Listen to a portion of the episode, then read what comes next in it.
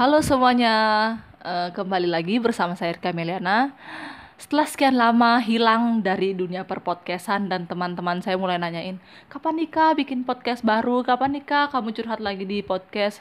Padahal sebenarnya tuh saya nggak curhat loh, saudara-saudara saya tuh berusaha untuk eh, menyadarkan kalian dari kebucinan-bucinan kalian semua itu biar nggak kayak saya gitu. Tapi tetap aja saya tuh dianggap kayak curhat aja, dianggap kayak wah ini anak bucin satu ini kayak kerjanya eh, nyampah aja terus gitu kan.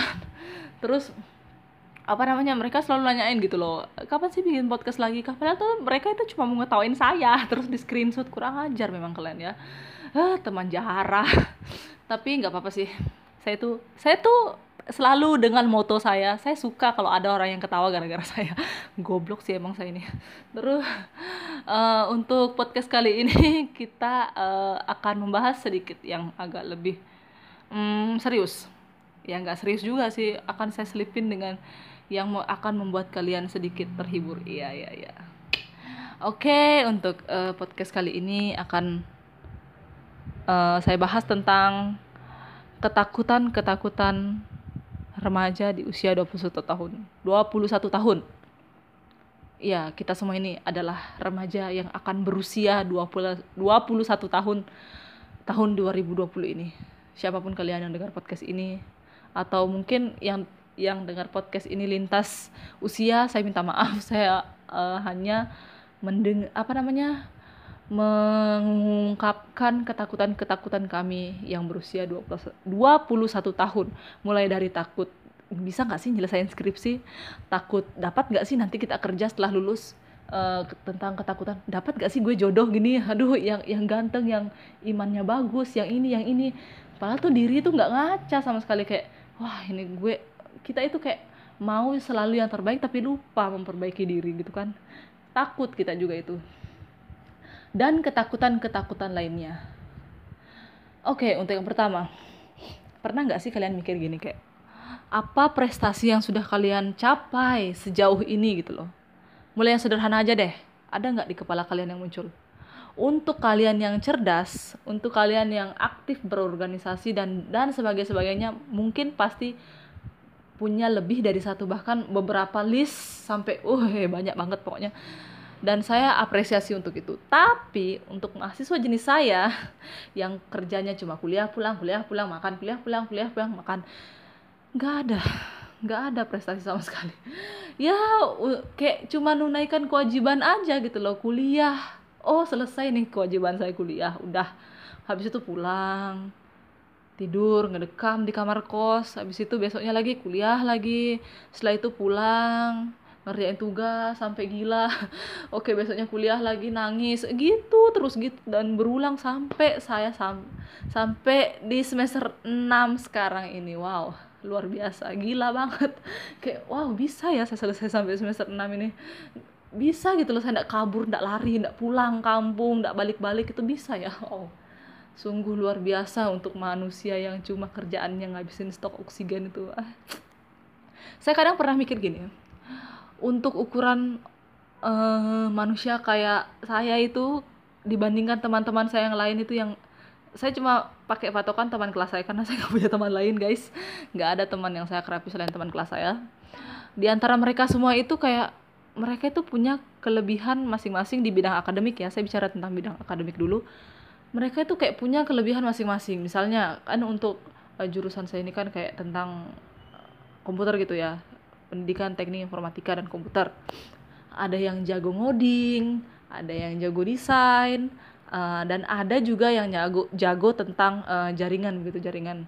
Entah itu internet intranet apalah itu namanya. Jagolah mereka semua itu kan ada yang jago ngoding bisalah mereka buat aplikasi bisalah buat mereka website. Ada yang desain bisalah buat mereka desain-desain gitu. Bisa buat pamflet-pamflet logo. Untuk yang jaringan ini mereka paham tentang bagaimana mm, sistem distribusi jaringan dari komputer satu ke komputer dua dari server satu ke, ke komputer dan sebagainya apalah itu. Dan saya selalu merasa kayak kok saya nggak bisa ya kayak mereka kok saya nggak bisa ya kayak punya satu keahlian saja gitu loh. Kok saya nggak bisa kayak kayak teman-teman saya yang lain kayak kalau mereka ngomong coding itu mulut mereka tuh muncung mereka itu kayak kayak berat banget kayak wah wah kayak gitu itu orang yang dengar itu kayak wah jago ya dia wah mulut dia sama tangan dia kok lincah kali gitu. Kayak ada gitu loh orang kayak gitu ya maksudku kayak punya kelebihannya dan mereka itu masuk di jurusan yang tepat gitu menurut saya. Padahal tuh mereka juga kayak basicnya juga bukan anak SMK gitu loh. Kayak basic mereka juga kayak sama kayak saya itu anak SMA lah. SMA-nya pun juga ada yang bukan IPA gitu loh. Kayak IPS lah bahasa lah. Tapi mereka jago. Kayak ku bilang gini loh Erika kau itu kayak kok nggak bisa kau kayak kayak dia kayak mereka mereka itu kok nggak bisa kamu uh, punya satu keahlian aja gitu yang bisa kamu banggain gitu yang bisa buat kamu terlihat penting di mata teman-teman kamu gitu loh. Kayak kalau mereka butuh sesuatu tuh mereka cari kamu jangan sampai hanya kamu terus yang nyari-nyari mereka. Bisa nggak sih gitu loh? Dan mikirlah saya kayak tiap pulang dari kampus gitu ya kayak kalau sudah sampai kamar saya pasti mikir gini weh kok teman saya itu pinter-pinter kok saya itu kok goblok banget gitu loh weh. Maksudnya ketawa keta sambil ketawa ini tapi mereka itu kayak kok jago-jago gitu kok kamu goblok kak goblok kali gitu loh. Nggak bisa kak kamu belajar kayak astaga kalau mau dibilang itu tuh saya tuh sudah usaha guys udah usaha kayak udah beli buku udah lihat di YouTube tapi tetap aja kayak oh lewat lewat kayak lewat kayak iklan aja di skip skip gitu kayak nggak ada yang ngelekat di kepala saya. Kayak saya sampai mikir gini mungkin memang passion saya bukan di sini mungkin passion saya memang bukan di jurusan ini gitu loh tapi kok saya bisa masuk ke sini? Dan karena itulah mulai muncul banyak hal mulai muncul banyak ketakutan ketakutan saya kayak gimana ini? Takut takut tertinggal lebih tepatnya. Saya takut tertinggal oleh teman-teman saya yang sudah kayak mereka expert di satu hal sedangkan saya masih abu-abu kayak masih nyari jati diri gitu.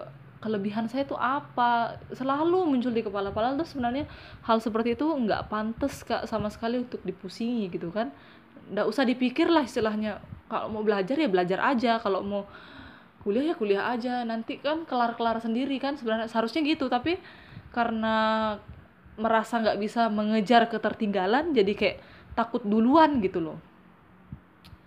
Nah setelah setelah banyak hal itu kayak kalau biasa juga kalau saya cerita ke teman-teman saya oh iya ya kok anu anu. Sampai teman saya tuh paham kalau wah Rika ini memang nggak bisa ini. Rika ini kayak dia itu memang tipe orang yang banyak bicara tapi nggak ada jadi biar satu.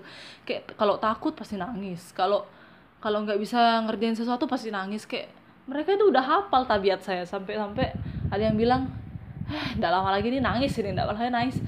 Padahal tuh mereka nggak ngerti kayak saya tuh takut cuman kayak nggak ada yang ngerti aja gitu kan. Pasti kalau kalian tahu rasanya itu pasti ngerti oh iya oh, pernah nih saya gini nih pernah. Sampai saya bilang kok gimana ya? Mau jadi apa ya saya nanti? Gitu. Kayak kalau selesai kalau syukur-syukur ya saya bisa tepat waktu ini syukur-syukur banget syukur banget.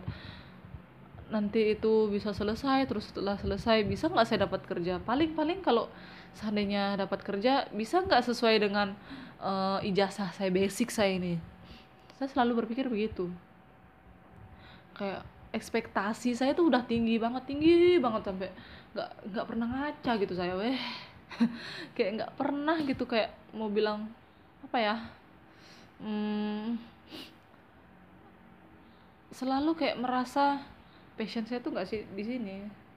Saya pernah dulu berpikir untuk nggak ngambil jurusan ini. Pernah tapi kayak karena karena itu lagi karena orang tua merasa kalau kalau kamu ngambil jurusan itu bisa nggak kamu dapat kerja karena kan mereka nggak tahu kalau semua jurusan pun berpeluang untuk tidak dap tidak akan semudah itu untuk dapat suatu pekerjaan yang sesuai dengan jurusan mereka kan?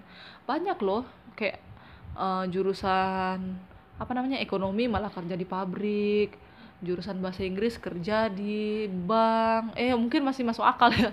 Tapi kayak kalau maksudnya kan basicnya itu akuntansi kan kalau di bank tapi kayak mereka punya basic bahasa kok bisa kerja di situ? Kayak memang nggak sesuai tapi mereka nggak pernah gitu yo nggak ngerti gitu loh.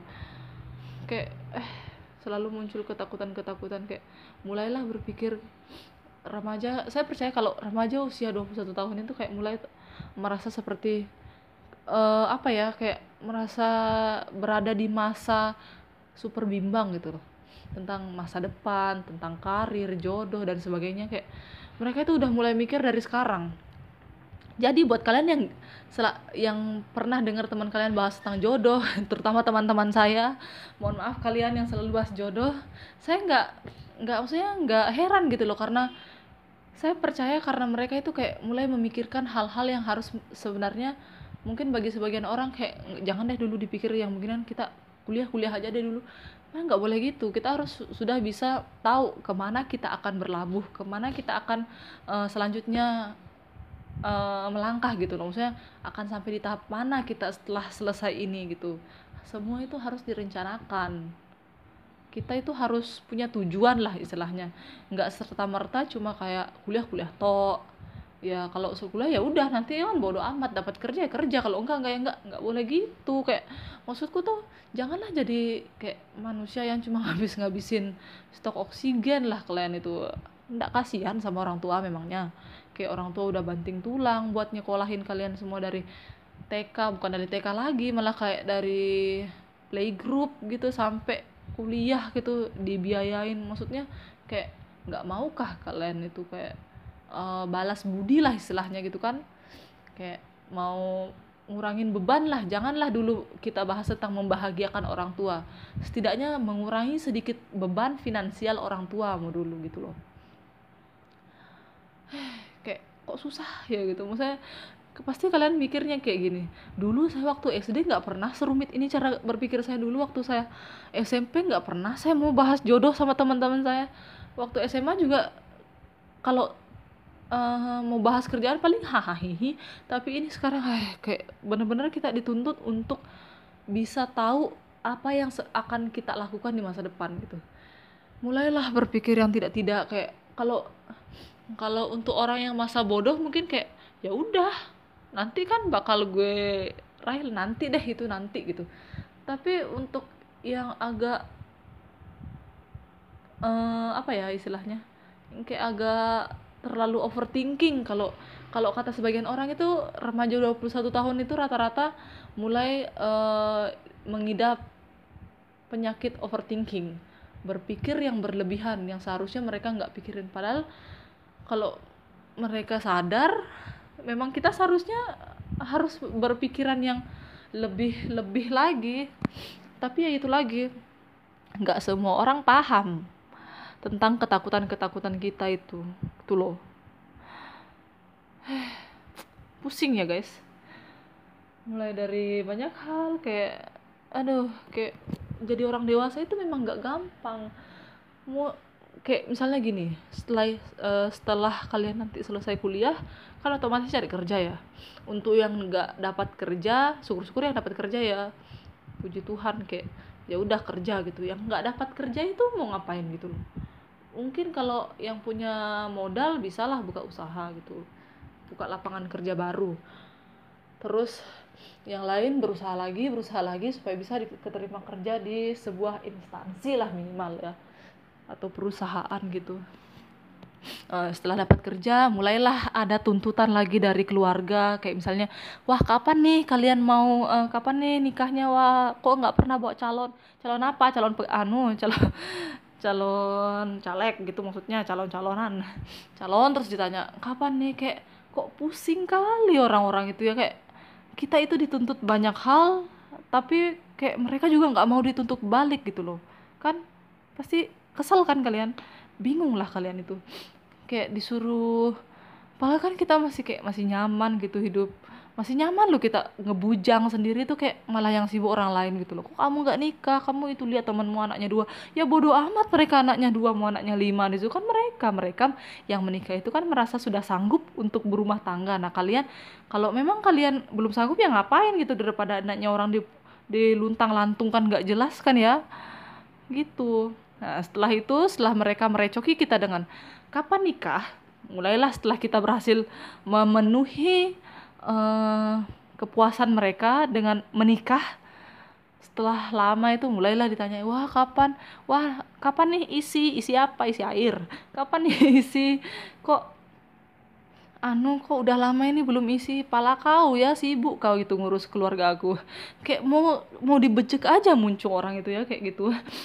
Terus setelah kayak kayak selalu gitu dan banyak banyak hal itu mereka kayak pusing gitu masyarakat itu kayak gimana ya? Mereka buat standar se uh, sebuah standar tapi mereka juga nggak merasa nggak mampu untuk memenuhi standar-standar itu gitu. Dan itu yang menye menyebabkan kayak kita berpik berpikiran macam-macam. Yang seharusnya kita nggak stres jadi stres gitu.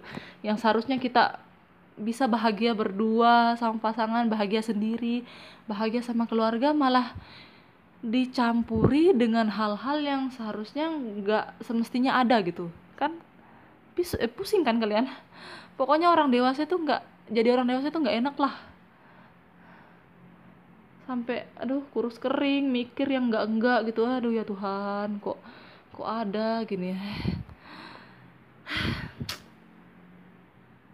takut banyak hal.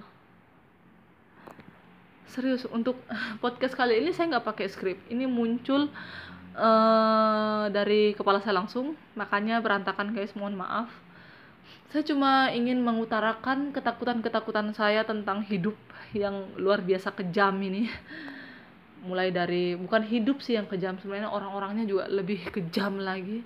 Kalau hidup kita pakai aturan kita sendiri sih nggak akan masalah nggak ada dibilang namanya ketakutan-ketakutan apa pun. Karena selama kita mampu ya kita yang jalani ya why not gitu loh. Kayak kenapa? Kenapa? Untuk apa kita mau peduli sama omongan orang kan tapi karena setelah berhasil orang-orang yang tidak punya, kerjaan itu uh, masuk ke hidup kita uh, memenuhi telinga kita dengan segala jenis bacotannya itu mulailah kita pusing. Yang seharusnya kita nggak perlu khawatir jadi khawatir. Nggak perlu uh, kita pusing jadi pusing lah kita. Sungguh sungguh. Uh, untuk ini saya nggak punya solusi. Saya nggak tahu karena saya juga takut karena saya juga berhasil ke makan omongan orang. Meskipun saya berusaha berulang kali untuk tidak merasa takut tidak merasa khawatir tapi selalu muncul pemikiran-pemikiran yang luar biasa mengerikan itu di kepala saya yang selalu membuat kepala saya bicara sendiri kayak eh apalah ini? I don't know lah. Kayak so scary. Sangat sangat scary. Mungkin sekian podcast kali ini dari saya. Lain kali kita ketemu lagi. Sa uh, untuk episode selanjutnya akan saya usahakan untuk lebih teratur ya cara bahasanya supaya, uh, supaya nggak belepotan mikir hahu-hahu aja desahan nafas saya dari tadi ini juga kayak lagi pilek jadi hidungnya susah napas ah malah curhat anjir. Oke sekian. Selamat malam